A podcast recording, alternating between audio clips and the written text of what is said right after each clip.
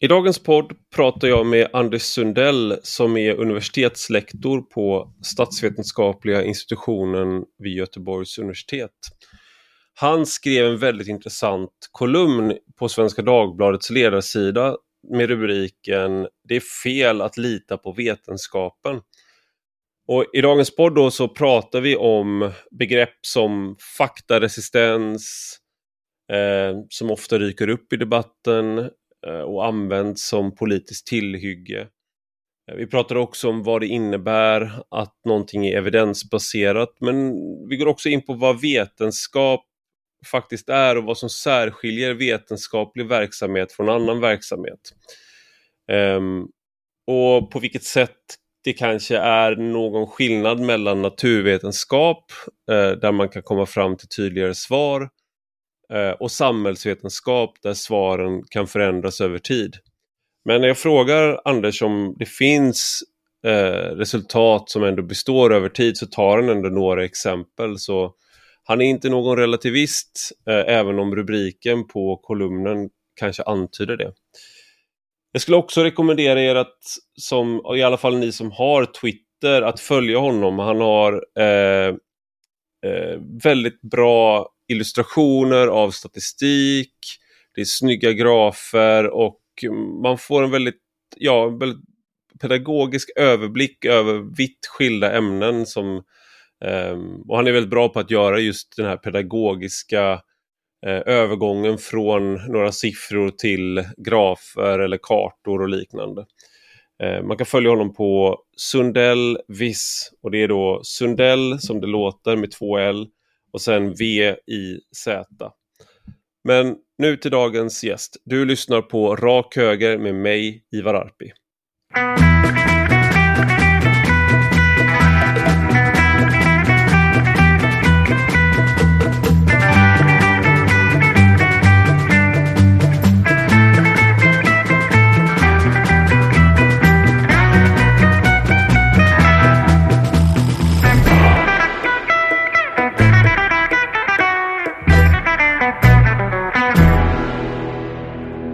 Välkommen Anders Sundell till Rak Höger. Tack så mycket.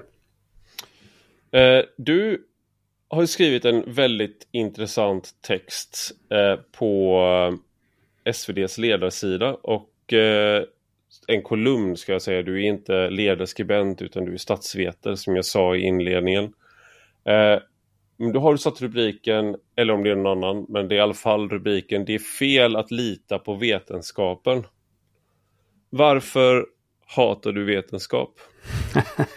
ja, det är självhatande forskare i så fall, eh, eftersom jag ja. jobbar på universitetet. Ja, nej, det var inte jag som satte rubriken, men jag skulle väl kunna, om jag hade satt den så hade jag väl sagt det är fel att lita blint på vetenskapen. Eller det är fel att okritiskt leta, äh, lita på vetenskapen. Mm. Det, det, det upprinnelsen är att jag, menar, jag är själv vetenskapsman inom situationstecken, forskare, jag jobbar med forskning. Jag gillar det här, jag tycker det här är bra grejer. Men jag gillar inte retoriken som jag tycker förenklar för mycket ibland. Och säger, mm. ja men lyssna på forskningen eller gör vad forskarna säger eller varför gör vi inte det som är bäst eller det som det finns fakta på. Och det rimmar inte med i alla fall den typen av forskning som jag håller på med, alltså samhällsvetenskap. Den är sällan så entydig och eh, så rak att man bara kan se hur det är, så att säga. Och även i de fall där någonting är klart och tydligt så följer eh, inte politiska slutsatser av de resultaten. Det där, eh, det, är, det är det du kommer in på i texten. Jag tycker det är, det är, det är sådana här ord som man hör ganska ofta eller har hört ganska ofta sedan eh, kanske, det kanske tilltog med Donald Trump när han pratade om alternativa fakta och sådär. Ehm, men då ett sånt där ord är faktaresistens. Och du skriver så här, det är något med själva ordet faktaresistens som skaver. Det låter som att det finns en definitiv sanning som väntar där ute. Och det rationella tar emot den medan de irrationella gör motstånd. Är det inte så då eh, att det finns en liksom en sanning. Det här är det som vi ser. Det här är siffrorna. Här har vi sambandet. Eh, och så är det vissa som säger nej, det där tror jag inte på. Och andra säger fast det här är det siffrorna visar. Ja, så kan det vara. Och det är klart att det finns fall där det är så. Eh, jag menar, okej, okay, jag har fått mail nu efter krönikan. Typ, varför tror du inte på gravitationen och sådär. Och eh, mm. jag är... Jag varför gör du inte det? Nej, jag, jag, den, den har eh, visat sig stämma ganska ofta. Så att... Eh, mm. Även om vi fortfarande inte vet egentligen vad är gravitation, ja det är en krökning av rumtiden, vad är det för någonting och så vidare. Mm. Och även inom det fältet så har det ju skett revolutioner. Eh, Newton, ett av världens största genier antagligen, hade en idé om gravitation och så kom Einstein och säger det något annat. Så även inom de naturvetenskapen med de allra skarpaste hjärnorna, där sker det ju omvärderingar och så. Men det är klart att det finns en massa fakta där allting pekar åt samma håll och vi har bra förklaringar och vi kan agera på de förklaringarna. Till exempel mm. hur vi ska förhålla oss till gravitationen. Men som sagt, i väldigt många andra fall, i fall där, det, där ordet faktaresistens används, så är det inte så. Så att jag tycker mm. det, det, det, gäller att hitta en, en bra nyans här. Jag menar, du kanske har sett också på YouTube, eh, folk, så här flat earthers som kommer på smarta experiment för att bevisa att jorden är platt. Experimentet visar att jorden är rund och då står de där och bara man ser hur det liksom rör sig in i huvudet och sen hittar de på bortförklaringar till det. Ja, där är det väl mm. befogat att använda faktaresistens. De går ju går emot sitt eget bättre vetande så att säga. Men jag mm. tog något exempel i, i kolumnen då när det handlar om, det var från 2015. Jimmy Åkesson säger eh, brottsligheten har ökat. De säger, mm. det har den inte alls till fram till 2014. Alltså är Jimmy Åkesson antagligen faktaresistent, får man då förstå. Och sen kommer mm. statistiken från 2015 som visar att den har ökat. Och då mm. tycker jag, då har man ju använt ordet i... Det var det, det, var det dödliga våldet va? Det var ja. specifikt som han, eh, och så var, de, var det Helene Löv och... Ja, och några eh, kriminologer då. Så, så att de, de hade ju inte fel. Den statistiken de hänvisade till var korrekt. Och sen ändrades verkligheten. Och då tycker mm. jag, där är det ju då inte ett sånt etablerat kunskapsläge så att man kan säga, det är ju inte att jämföra med Flat Earthers uh, i det läget då. Sen såg jag när Jimmy Åkesson konfronterades med detta så sa han, man kan inte titta på statistik för att förstå brottsutvecklingen. Och då känner jag, där håller jag ju inte med då, utan det är klart att man kan få bra information från statistik. Men mm eh, verkligheten kan ju förändra sig, vilket den gjorde i det här läget. Och jag tycker att efter då Donald Trump, som du säger, eh, som ju är en person som har ett eh, otroligt nonchalant förhållande till sanningen givetvis. Eh, han så... har det bästa förhållandet till sanningen och förmodligen det bästa förhållandet till sanningen i hela världshistorien. Ja, förmodligen. Så att... För att nästan citera honom. Ja, så att eh, där, eh, återigen, där är det befogat med kritik. Det finns många personer som förtjänar kritik för att de inte tar seriöst på forskning eller vetande som finns. Men sen används det också då väl, eh, väl mycket det här ordet tycker jag. Och mm. Alltså jag gillar särskilt också när man ser, jag såg något nyligen, då var det någon eh, scientist rebellion eller någonting sånt där som eh, protesterade mot klimatförändringarna och så ser man vad är det för scientist? Ja, någon docent i lingvistik. Och då tänker jag, mm. då använder man ju sig av forskartiteln för att bara få lite mer cred i, i det man gör, trots att den forskartiteln i det fallet inte hade någon bäring på det man uttalade sig om. Så, mm. Eh, jag, jag, för mig är är liksom kärnan av att vara forskare. Att man är nyfiken och låter bevis tala till en. Uh, mm. Och, och det, så, så bevis, fakta, vad är skillnaden? Ja, inget. Alltså jag menar, jag anser också att det finns fakta så att säga. Men det är inte så enkelt som det ofta låter, uh, tycker jag. Jag tänker på de här uh, böcker älskade jag när jag var liten. Alltså de här, eh, de var ofta vit vit bakgrund och så stod det liksom fakta om kanske kattdjur eller fakta om vikingar eller fakta om antikens Egypten eller något sånt där. Och så var det bilder och text och sådär, så fick man fakta om de här sakerna.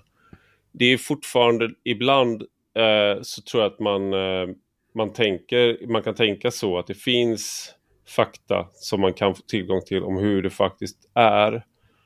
Eh, och i vissa fall kanske det gör det. Eh, men i många andra fall så, så ändrar sig eh, det man kallar fakta.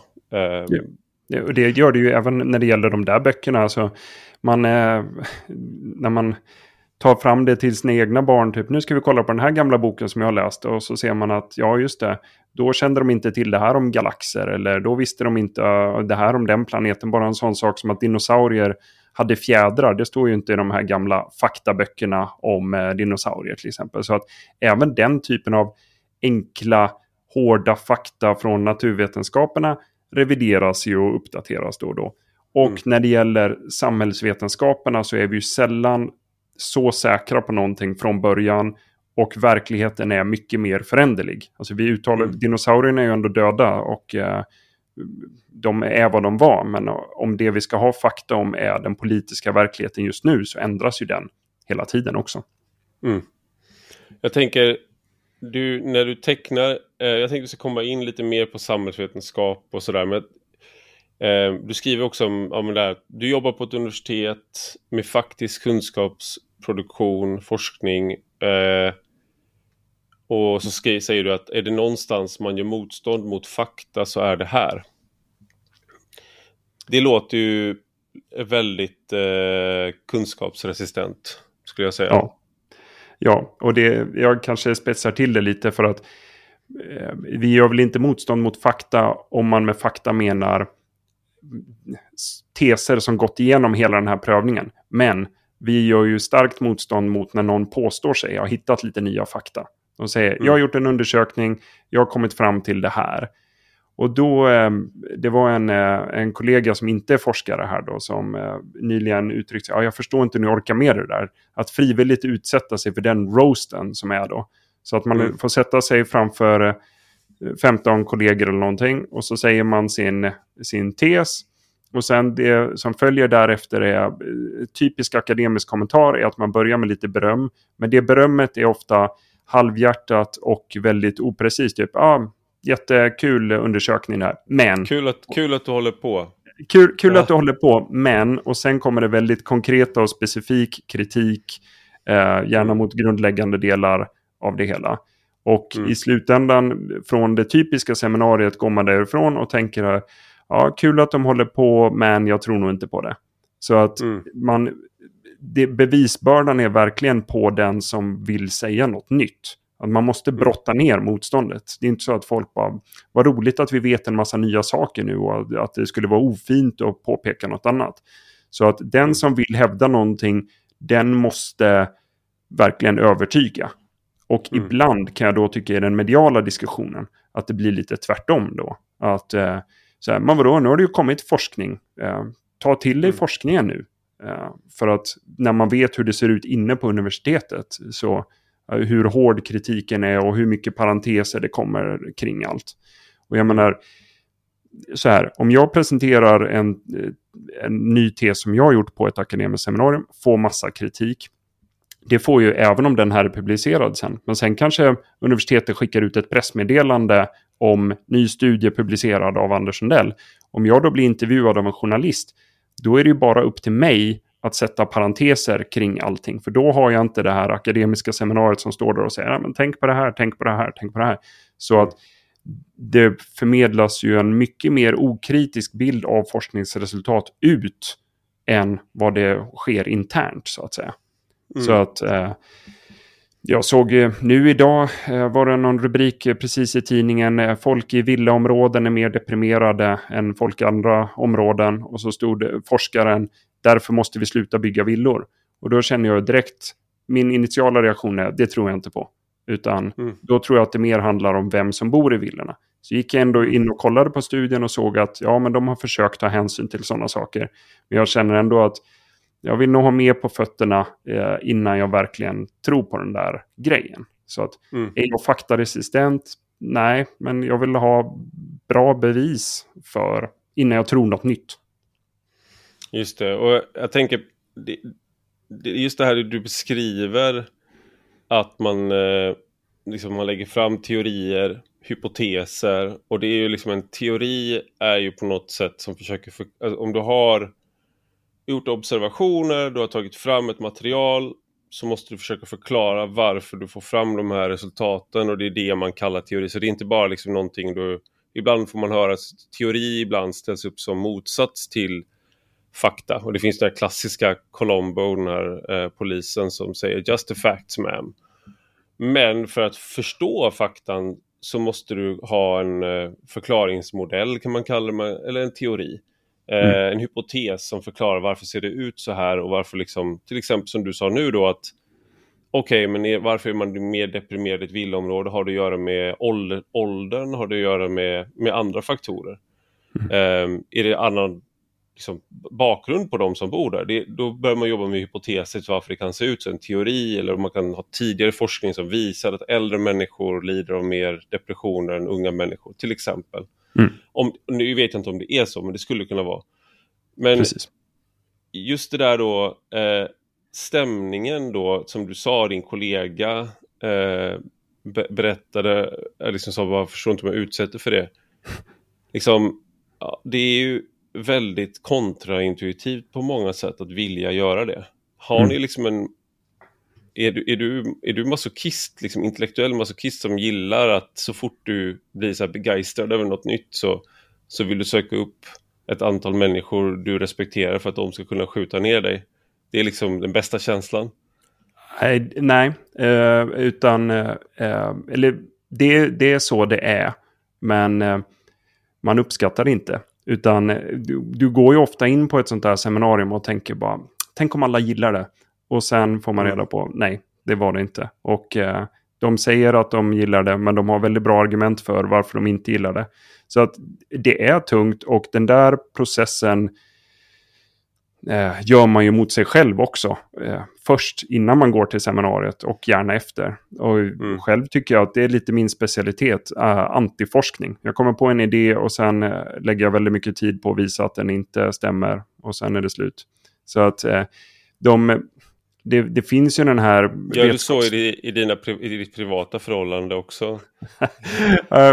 Kanske inte i alla diskussioner och så, men jag är en tvivlare helt klart. Mm. Och eh, mm. Karl Popper sa ju det om att eh, det är så man ska göra vetenskap. Vi kan aldrig bevisa något, men vi kan falsifiera saker. Så att eh, det du gör, du lägger fram en tes och sen anstränger du dig till yttersta för att motbevisa den. Och om det misslyckas, ja men då kanske vi kan tro på det. Men i samhällsvetenskapen, då kommer du hitta bra argument för att det inte stämmer alltid. Eh, mm. Så att det är bara en gradskillnad. Så här, ja, men det här verkar lite trovärdigare än det här. Det är tyvärr en så imprecis verksamhet eh, vi håller på med. Men det, det, kan, så här, det, är, det kan vara tungt. Att det, man känner att man eh, har väldigt svårt att komma fram till ordentliga grejer. Och jag tycker som sagt inte att det är en meningslös verksamhet eh, ändå. Utan man måste ju bara hitta korn i det man gör som kan bli intressant ändå. Och som man känner att nu har vi ändå kommit lite framåt. Nu kan vi ställa lite intressantare frågor eller sådär. Men det är ju väldigt sällan man som samhällsvetare att gött, nu vet vi det. Eh, alla andra, lägg ner era studier, det är färdigforskat. Det, det händer inte. Men tänker på det här med då falsifikationism eller falsifikation som metod. Jag kommer ihåg när jag läste det första gången, tror det, nu är det 20 år sedan på universitetet, när jag läste teoretisk filosofi och, och vi läste vetenskapsteori. Att det där var, en så det var verkligen kontraintuitivt. Det var absoluta motsatsen till hur jag tänkte att det skulle fungera. Eh, och också då att man, eh, nu har vi varit inne på det, men det var ju en, en annan tanke som man har är ju att vi är eh, dvärgar som står på jättars axlar i, inom forskning och att det då finns en det man kallar kumulativitet. Så att du som är statsvetare idag, du bygger vidare på ja, kanske 2000 år av tänkande. Eller, och sen om man, går, om man snävar av det liksom, så har vi i alla fall 150 år kanske av statsvetenskap eller låt oss säga i modern tid då, 70 år, efterkrigstiden. Så då är vi, du bygger helt tiden vidare på de här sakerna. Men, och det där tror jag också är en vanlig föreställning som många har, att så vi, går, vi, vi rör oss framåt i vetenskapen. Och i vissa områden så är det ju uppenbart att vi gör det också. Till exempel att våra bilar idag är mer bränslesnåla än vad de var för 40 år sedan. Um, vi har massa saker som fungerar bättre och det, man kanske inte ska tillskriva vetenskapen det alltid utan det är också praktiker som testar och gör saker nytt. Men där finns det en kumulativitet, ett framsteg. Skulle du säga att, att det finns en sån liksom, kumulativitet då, eller ett sånt framsteg inom samhällsvetenskap? Och, um, är, är det din bild av det? Eh, nej, inte på det sättet. Eh, det betyder ju inte att vi bara står och stampar hela tiden. Framförallt sker det ju metodutveckling som jag tycker att vi har blivit bättre på att ställa frågor. Vi har blivit bättre på att få svar. Och så eh, de senaste 20 åren har det hänt väldigt mycket inom samhällsvetenskapen med hur vi ser på orsak och verkan. Vilket tyvärr har gjort det svårare att vi har kommit på att det vi trodde förut räckte för att säga att det här har orsakat det det förstår vi nu, det räcker inte. Så har vi kommit på andra sätt att komma närmare det. Vad kan det vara för har... exempel på då orsak och verkan? Är det, är det typ så här fattigdom orsakar brottslighet?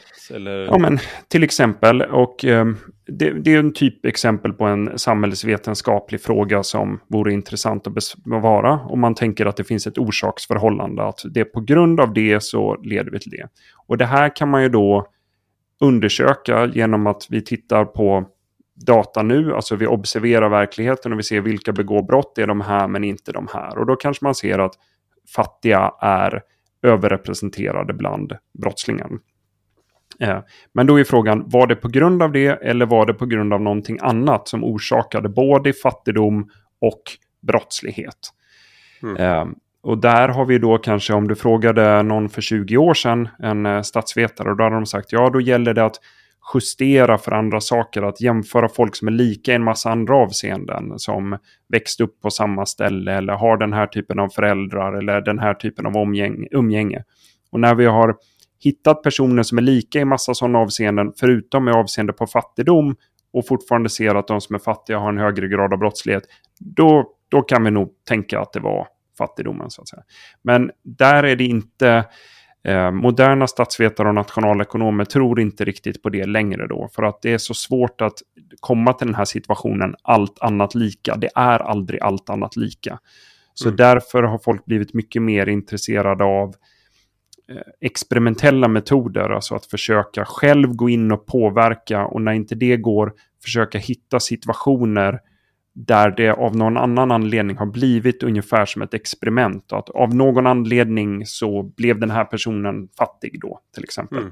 Det, det, är svårt att göra någon fattig, men det finns ju till exempel när man vill kolla på pengar och lycka, då kollar man ju på folk som vinner lotterier istället. Då. För att det är i alla fall som ett, nästan som ett experiment, det är slumpmässigt.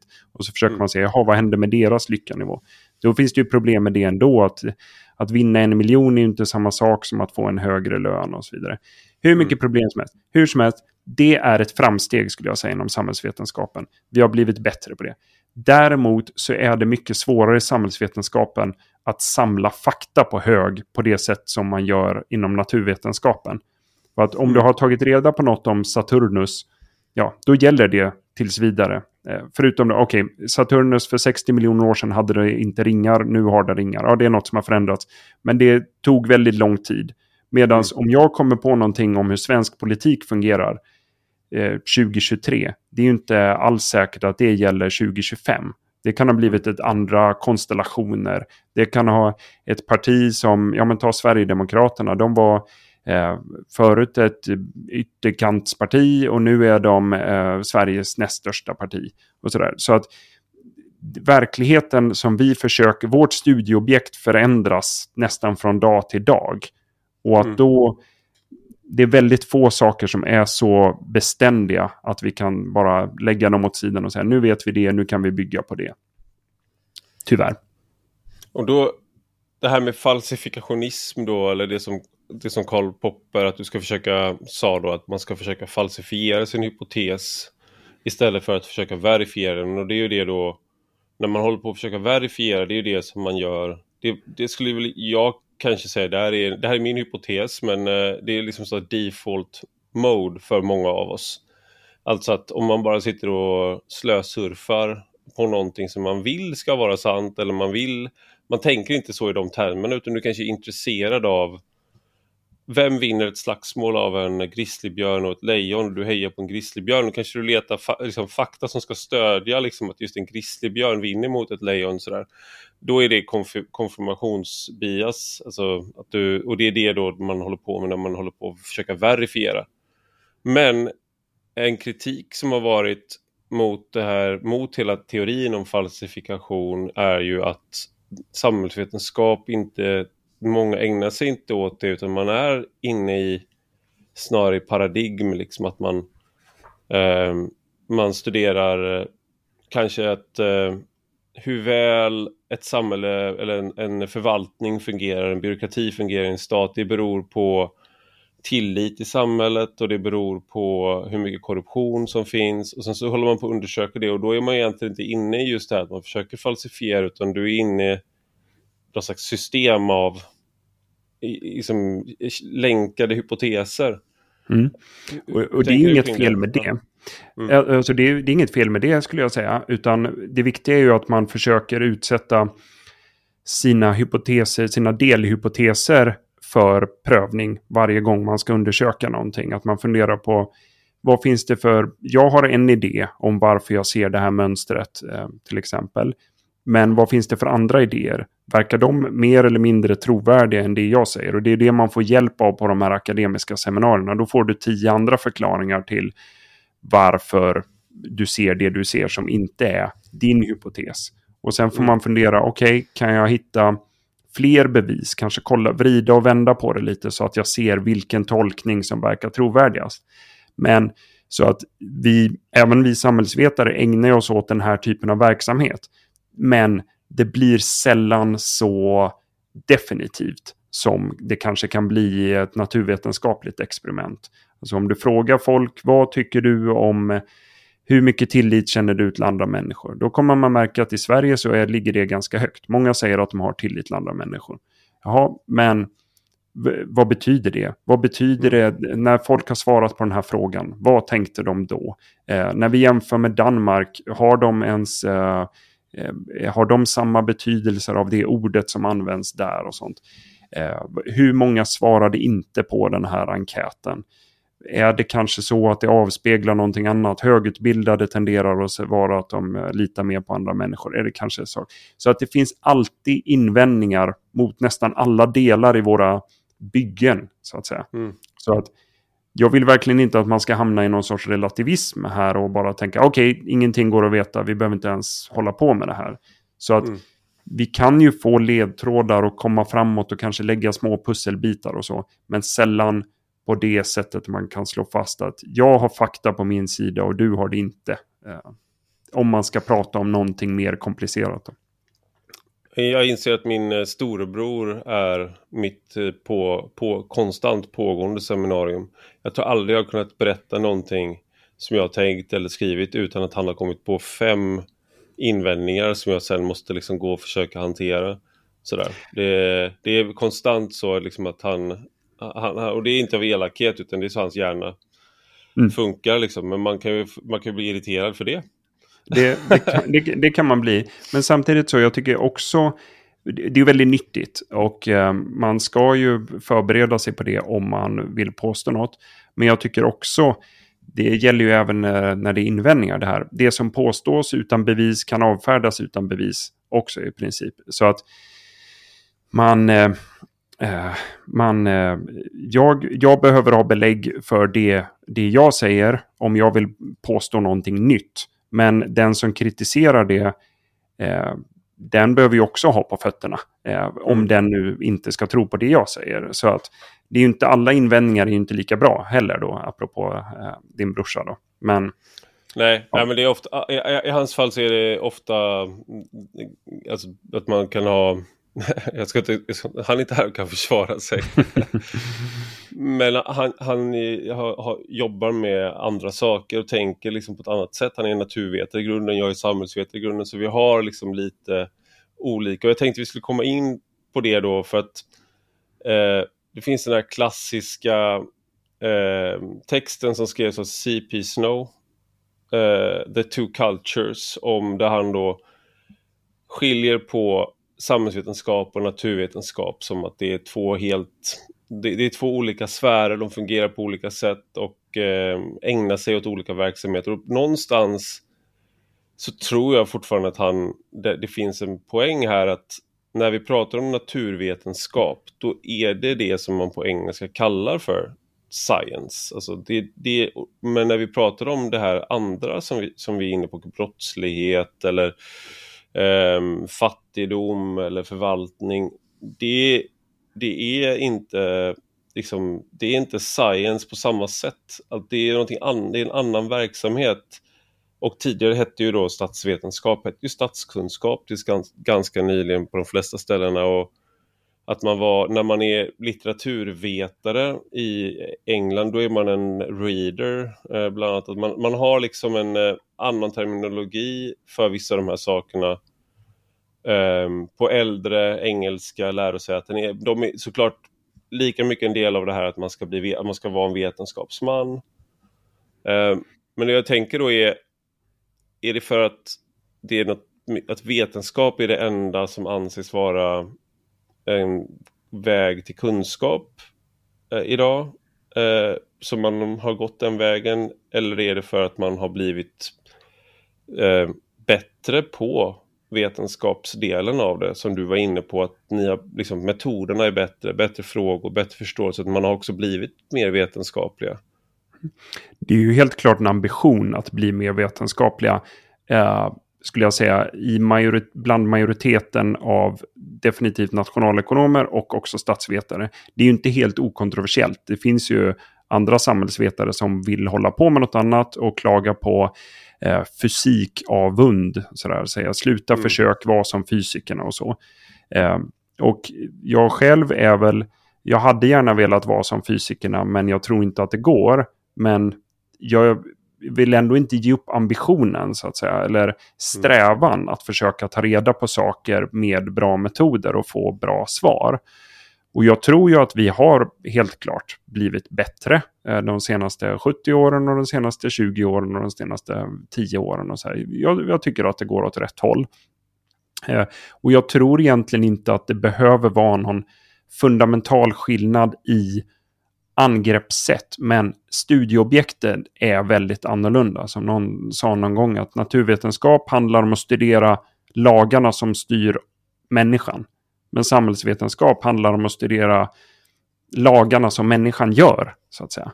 Så att mm. där är det ju en fundamental skillnad. att Våra studieobjekt har en fri vilja och det är samhällen som är gjorda av miljoner människor med fria viljor.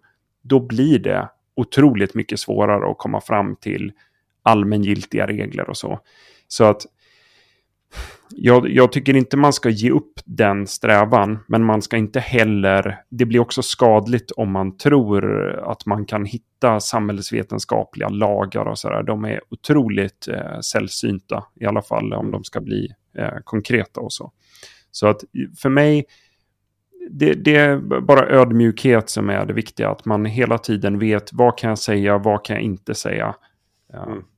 Men någonting går det att säga ofta. Men för jag tänker då, vad är det som skiljer samhälls... För jag, då, någon, en diskussion jag haft återkommande med nyhetsjournalister som är mer traditionella journalister, det är att eh, många av dem, inte alla, men de tror att de har en metod som är unik för dem. Eh, och eh, det finns ju en tanke där på något sätt som är besläktad med att du ska få läk du måste ha licens för att vara en utövande läkare. Och då tänker man att då är, är det tecken på att det är en kvalitetsstämpel som ska skydda patienter. Men om man leker med tanken att någon ljuger om att de har en läkarlicens och sen går man igenom deras patienter som de har haft i 30 år. Så har de varit en bättre läkare än de som har haft läkarlicens. Är det då rätt att den personen ska bli av med, alltså inte ska kunna ut, fortsätta utöva sitt yrke då, om det visar sig att det faktiskt är någon som har den kompetensen? Nu brukar det inte vara så, men samma sak då med eh, det man hoppas på med en läkarlicens, det är att du ska få någon som är större sannolikhet än slumpen eller någon som har sköna teorier om hur kroppen funkar, ska kunna diagnostisera hälsoproblem och ge råd om behandling eller, och, och sådär. Och det är därför det är bara läkare som kan skriva ut medicin också. Tyvärr. Nej, jag bara skojar. Men eh, eh, om man då tar journalister så är det ju, det är ju ingen skyddad titel. Alla kan, vara, alla kan kalla sig journalister. Eh, men man har en tanke om att eh, som liknar vetenskapliga, fast en helt annan tidshorisont. Men man ofta, det beror lite på, men i vissa frågor så bedöms det som att man tar fram fakta. Till exempel, eh, ett sånt bra exempel på det när man tycker journalistiken har bidragit med fakta är ju Matilda Gustafssons rapportering kring eh, klubben det här som var i nära anslutning till Svenska Akademin och Jean-Claude Arnault och allt det där och hennes reportage då om upplevde övergrepp och gränslöst beteende och hur hela liksom, kultureliten gick på den här klubben som han drev då och fick pengar för och sådär. Um, och det där, det där var ju då ett sätt att ta fram ny fakta om någonting. Men det var, fanns ju inte någon tanke om ett sånt där seminarium som du talade om. Där finns det andra tänkbara förklaringar här? Finns det liksom, vem har du inte intervjuat som man behöver för att få ett annat perspektiv? Hur funkar det på andra sådana här klubbar? Finns de i andra länder? Alltså det, den här typen av frågor som man skulle kunna ha. Men en jättelångrandig så här, tanke här då, men är det någonting som samhällsvetenskap har eh, som är unikt för att ta fram kunskap? Eller är det någonting som vem som helst egentligen kan ägna sig åt? Det är ju helt klart så att vem som helst kan ägna sig åt det här. Eh, jag vill ju tänka att de utbildningar vi har och den forskarutbildning vi har gör att man tränas att tänka på det på mer systematiska sätt och mer strukturerade sätt. Eh, så att man kommer längre eh, och att man får tankeverktyg att komma längre än om man bara försöker utan att aldrig ha gjort det förut.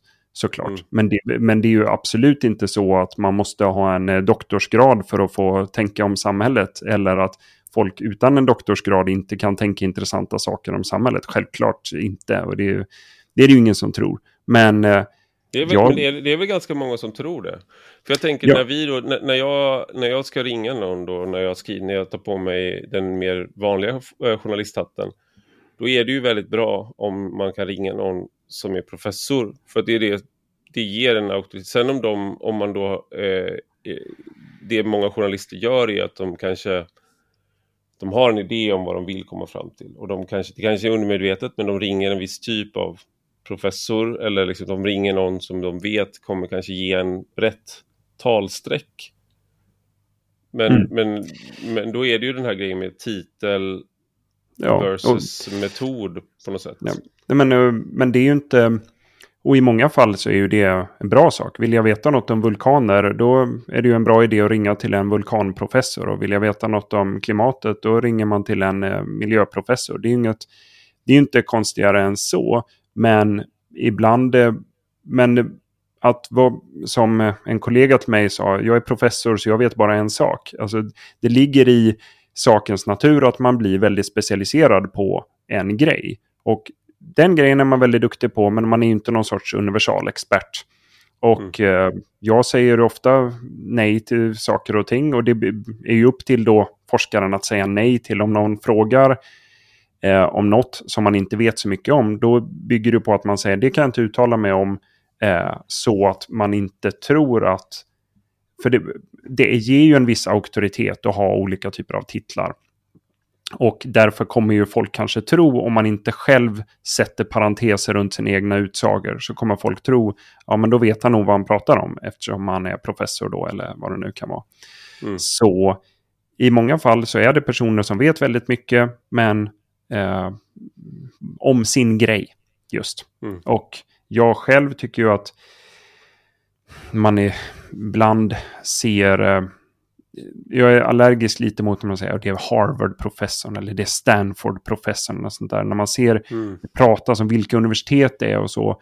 Det imponerar ju oftast inte jättemycket på andra forskare för att jag vet ju att i genomsnitt när det gäller statsvetenskap, är du professor på Harvard, då brukar det vara väldigt bra. Men då kommer det också synas i det du säger. Så att säga. Mm. Så att det blir självdemonstrerande. Men bara om en Harvard-professor säger någonting utan bevis eller, eller bättre belägg för det, då tror jag inte mer på det än om någon annan säger det utan bevis eller belägg. Så... Mm, ja, vi inte nej, jag tända, vad, vad, vad, betyder en, en titel egentligen? För att det, det, inom konstteori så har man ju haft olika teorier om vad som är konst.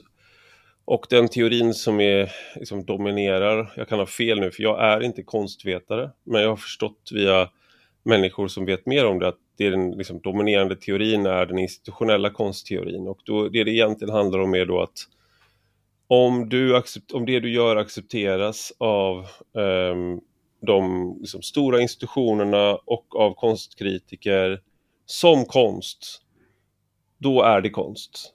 Om det, om det förkastas som det, då är det inte konst. Så du behöver liksom, och då finns det gatekeepers som ger dig legitimitet. Och det behöver inte hänga ihop med någon, någon kvalitet som är så att säga i själva konstverket. Om, du, om, vi, om vi då tar enklaste exemplet, en tavla som är mm.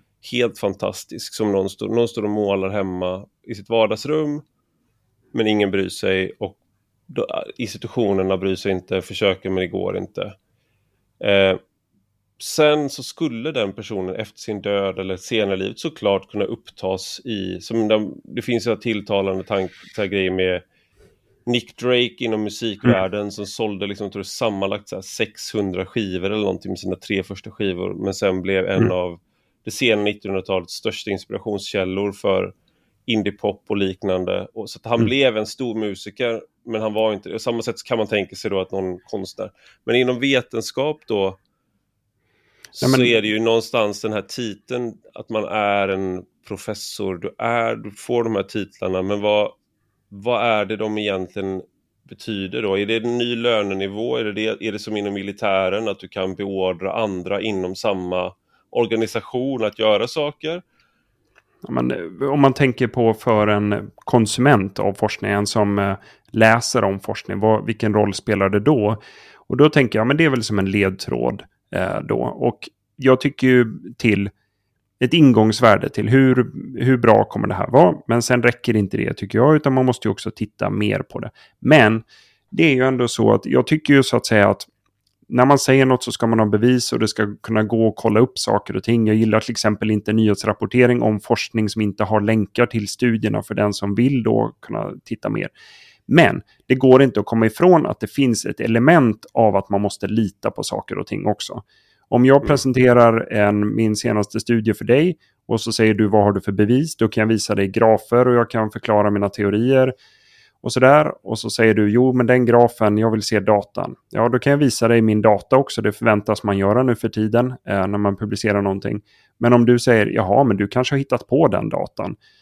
Ja, då, då, då kan jag inte riktigt visa dig hur det gick till när de forskningsassistenterna satt och kodade den datan. Eh, för det har redan hänt. Så att min eh, sambo är gymnasielärare och pratade om forskning någon gång. Och en elev sa, jaha, men var du där när forskningen gjordes? Så att, nej, det, det var man ju inte. Och du var inte med när jag kodade min data och sådär. Så att förr eller senare kommer man till en gräns där man måste bestämma sig för om man ska lita på det här eller inte. Mm. Och då om det, det är en... Kod, kodningen, av kodningen av datan är, är en sån här ny grej också som du har varit inne på där man numera eh, Många anser att du ska kunna se eh, till exempel om man tar fram eh, statistik eller tar fram samband att du ska kunna se hur många gånger man hur många slagningar gjordes här jo, för att få precis. fram ett resultat och det är också ett sätt att vara mer transparent med ja det är det. Och det finns ju exempel, enstaka skräckexempel när någon har helt hittat på sin data själv för att visa en viss sak och sådär.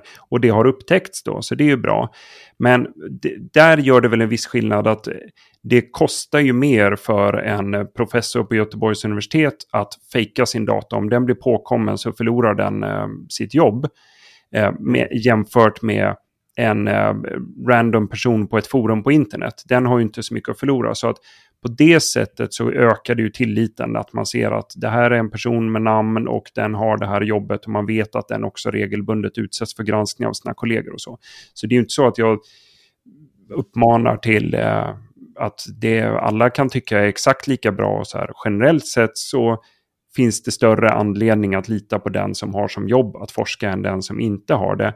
Men om den som Eh, är professor inte har några bevis, nej, då är det inte heller värt någonting så att säga.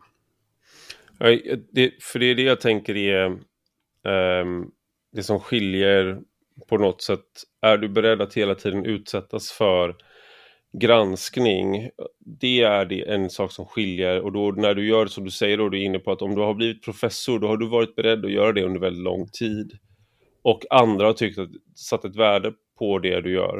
Uh, det betyder inte att du, att du inte sen kan få en mini-stroke och börja säga konstiga saker. Men det är i alla fall att du har visat uh, att det här är någonting som är viktigt, att det ska bli mer rätt än fel över tid jag ska försöka bli publicerad, genomgå peer review då, alltså bli granskad av peers, av, av likar eh, för att bli publicerad. Och att acceptera revisioner av, av det när man gör fel eller när det blir inte, inte blir tillräckligt bra. Mm. Um, och inom journalistiken är motsvarigheten är att det finns redaktörer som går igenom och när det funkar bra går igenom liksom varje faktapåstående, varje påstående. Liksom. Det, det, är så mm. om man läser Uppdrag granskning, eh, Lina Makbuls bok om hur det funkar på Uppdrag granskning. Eh, att man går igenom allting. Har vi belägg för det här? Vad är stödet för det här? Vad är stödet för det där? Och då när du kommer till en sån som mig eh, så det svåra till exempel då när man är ensam på en publikation eh, det är att uppfinna det kollegiala. Alltså vem är min peer, vem mm. är... Och det där är risken också, som vissa har tagit upp då, att man hamnar i eh, konfirmationsbias för att mm. du kan få en sån feedback loop där du stärks i, liksom, av din publik men också av att de, de som gillar dig, att, det, att du, det, det liksom, du hamnar inte i längre i de här situationerna när du lyssnar på någon som säger att fast det här är ju, du har ju inte kollat på det här, du har inte gjort det här. Nej, och det, um, det, är ju, det är djupt mänskligt och det, jag menar, det händer ju även inom den akademiska världen. Det kan bli klickar av folk där man håller med varann och uh, det känns gött och så. så att, men den akademiska världen, när den funkar, så uh, har den byggt upp de här systemen för att göra det som är då lite obekväma att utsätta sig för, men man vet att det blir bättre i längden. Och jag menar, det är det jag är fildoktor och det jag tycker att man... Jag ser det lite som det går bra att kritisera mig då, så att säga. Mm. Jag får inte ta illa upp om någon kritiserar mig. Om jag skriver en kolumn i tidningen, då är jag beredd på att folk ska klaga på den. Och eh, det, det är ett ansvar som kommer med den här titeln. Eh, så mm. att, men just det att, att man får kritisera mig tänker jag kommer öka trovärdigheten på det jag säger eh, i långa loppet. Och mm. till det hör också, tycker jag, tvärtom kanske mot vad vissa tänker om professorer och annat, att ett ansvar att hela tiden försöka uttrycka sig så klart och tydligt som möjligt så att så många som möjligt kan förstå och också då kritisera om de vill. Så att mm. välkomna kritik, att inbjuda till kritik eh, och nyfikenhet, det är för mig vad det är att, att vara forskare så att säga.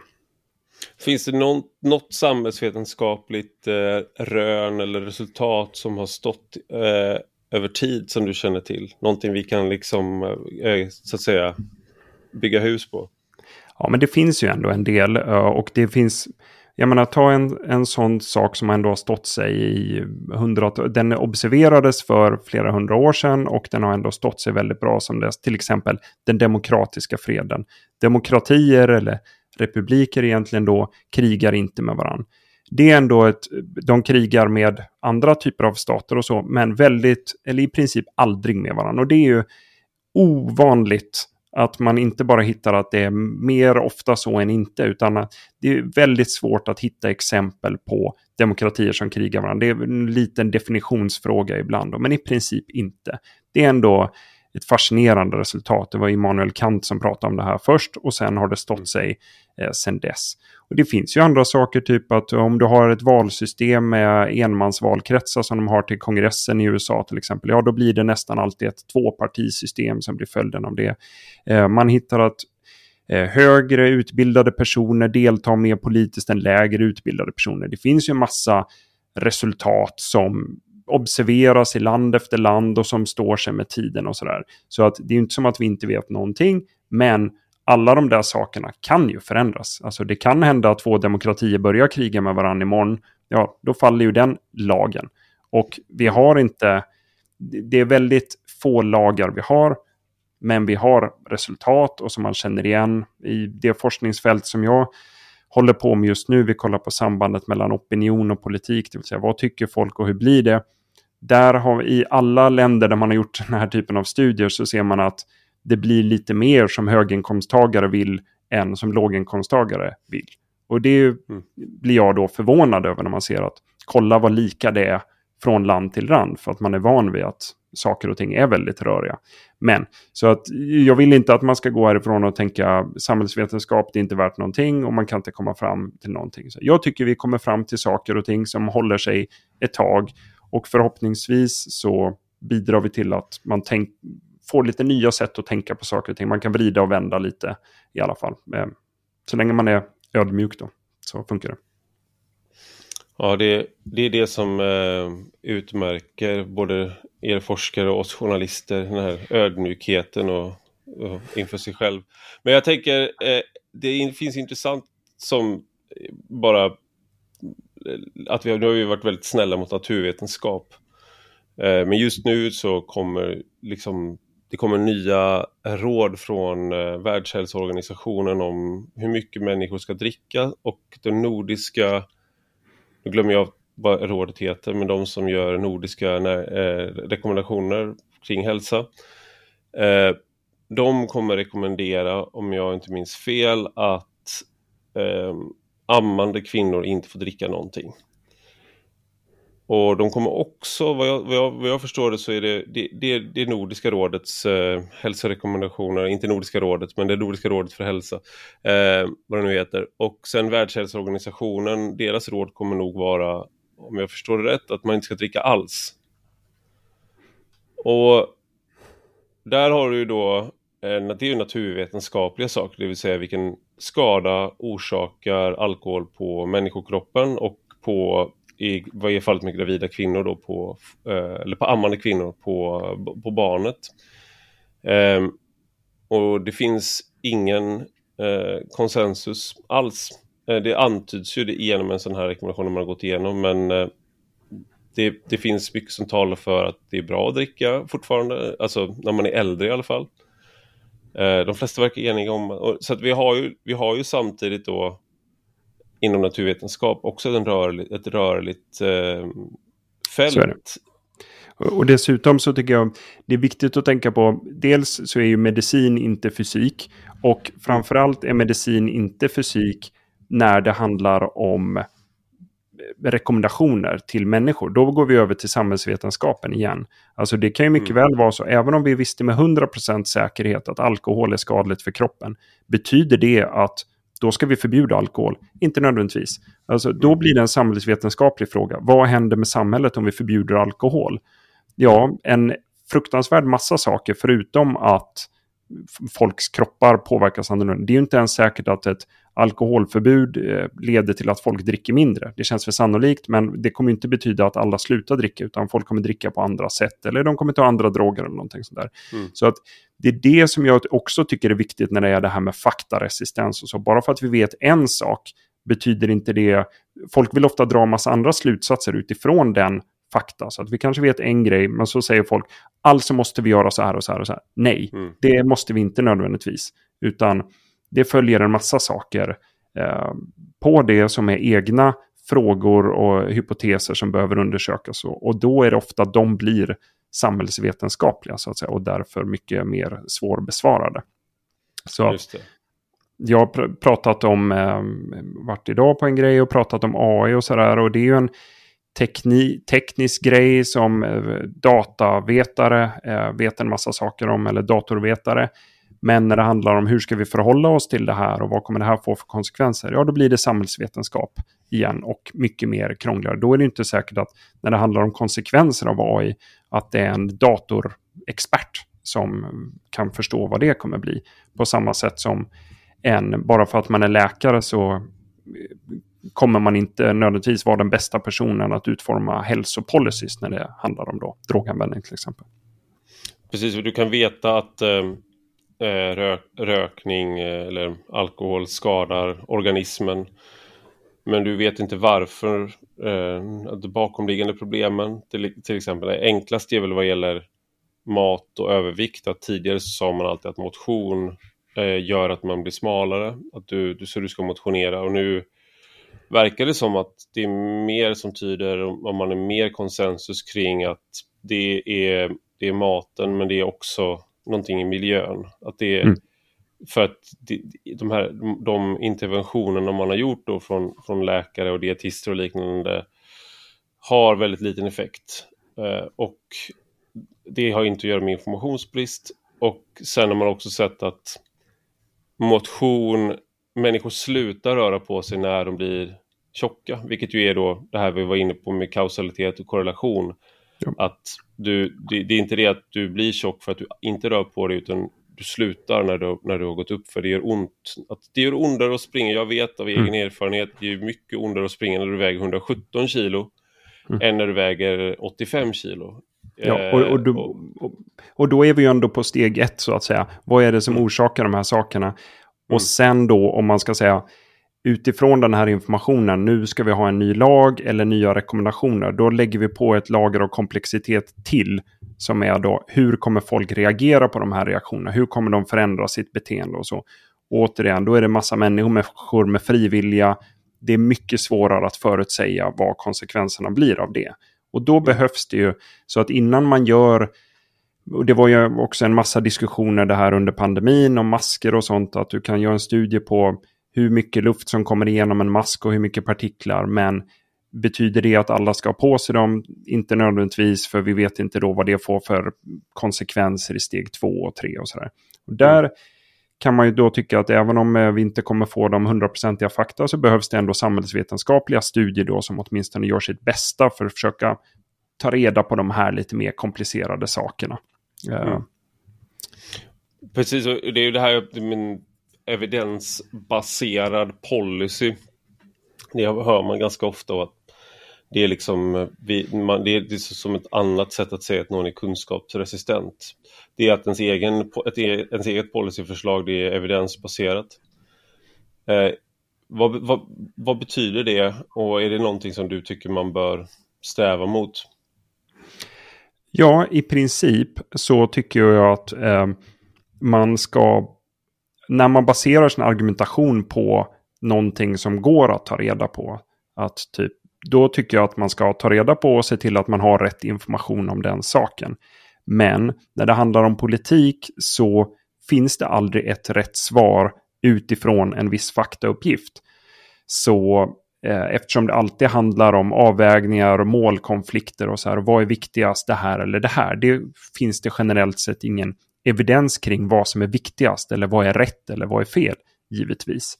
Så att, eh, men när det går att veta någonting och man har en åsikt om någonting, om man säger eh, 50% är arbetslösa just nu och så är det inte det utan det är 7, då är det ju problematiskt om man säger 50%. Så att där det går att veta något, då ska man ju såklart försöka ta reda på informationen. Men jag blir frustrerad när folk säger men varför eh, tar man inte bara reda på vad som är bäst och så gör man det. Ja, det kommer till aldrig gå. Att, som att sluta bygga villor till exempel för att det gör människor deprimerade. Det är ju ett evidensbaserat policyförslag. Ja, ett, ga ett, ett galet förslag med evidens för en liten del av allting som kommer att hända eh, med detta. Och jag är inte ens säker på själva grundpremissen i detta. Och ännu mer, vad skulle det få för konsekvenser i stort? Det är omöjligt att förutsäga. Det skulle vara en jätteförändring av samhället. Så att det är ju alldeles jag, för förenklat. Ofta. Jag kommer i alla fall sett jag kommer i alla fall sätta det som rubrik att det är Anders Sundell föreslår, eh, föreslår sluta bygg villor, evidens finns. Eh, ja. Stort tack Anders Sundell för att du var med i Rak Höger. Tack för att jag fick vara med. Och stort tack till er som lyssnar. Gå gärna in och skriv en recension på Apple Podcasts eller i den app där du lyssnar på podden så hjälper du andra att hitta den och du hjälper mig att bli bättre. Och detta är alltså en del av en större publikation på Substack med samma namn som podden och du hittar alltihop på www.enrakhöger.se. Och om du blir betalande prenumerant idag så får du 20% rabatt. Då ska du gå in på www.enrakhöger.se podd. Och betalande prenumeranter, då får man ta del av hela poddavsnitt, alla texter och exklusivt extra material. Och har ni några frågor eller synpunkter så tveka inte att höra av er på ivararpi.substack.com Vi hörs om en vecka igen.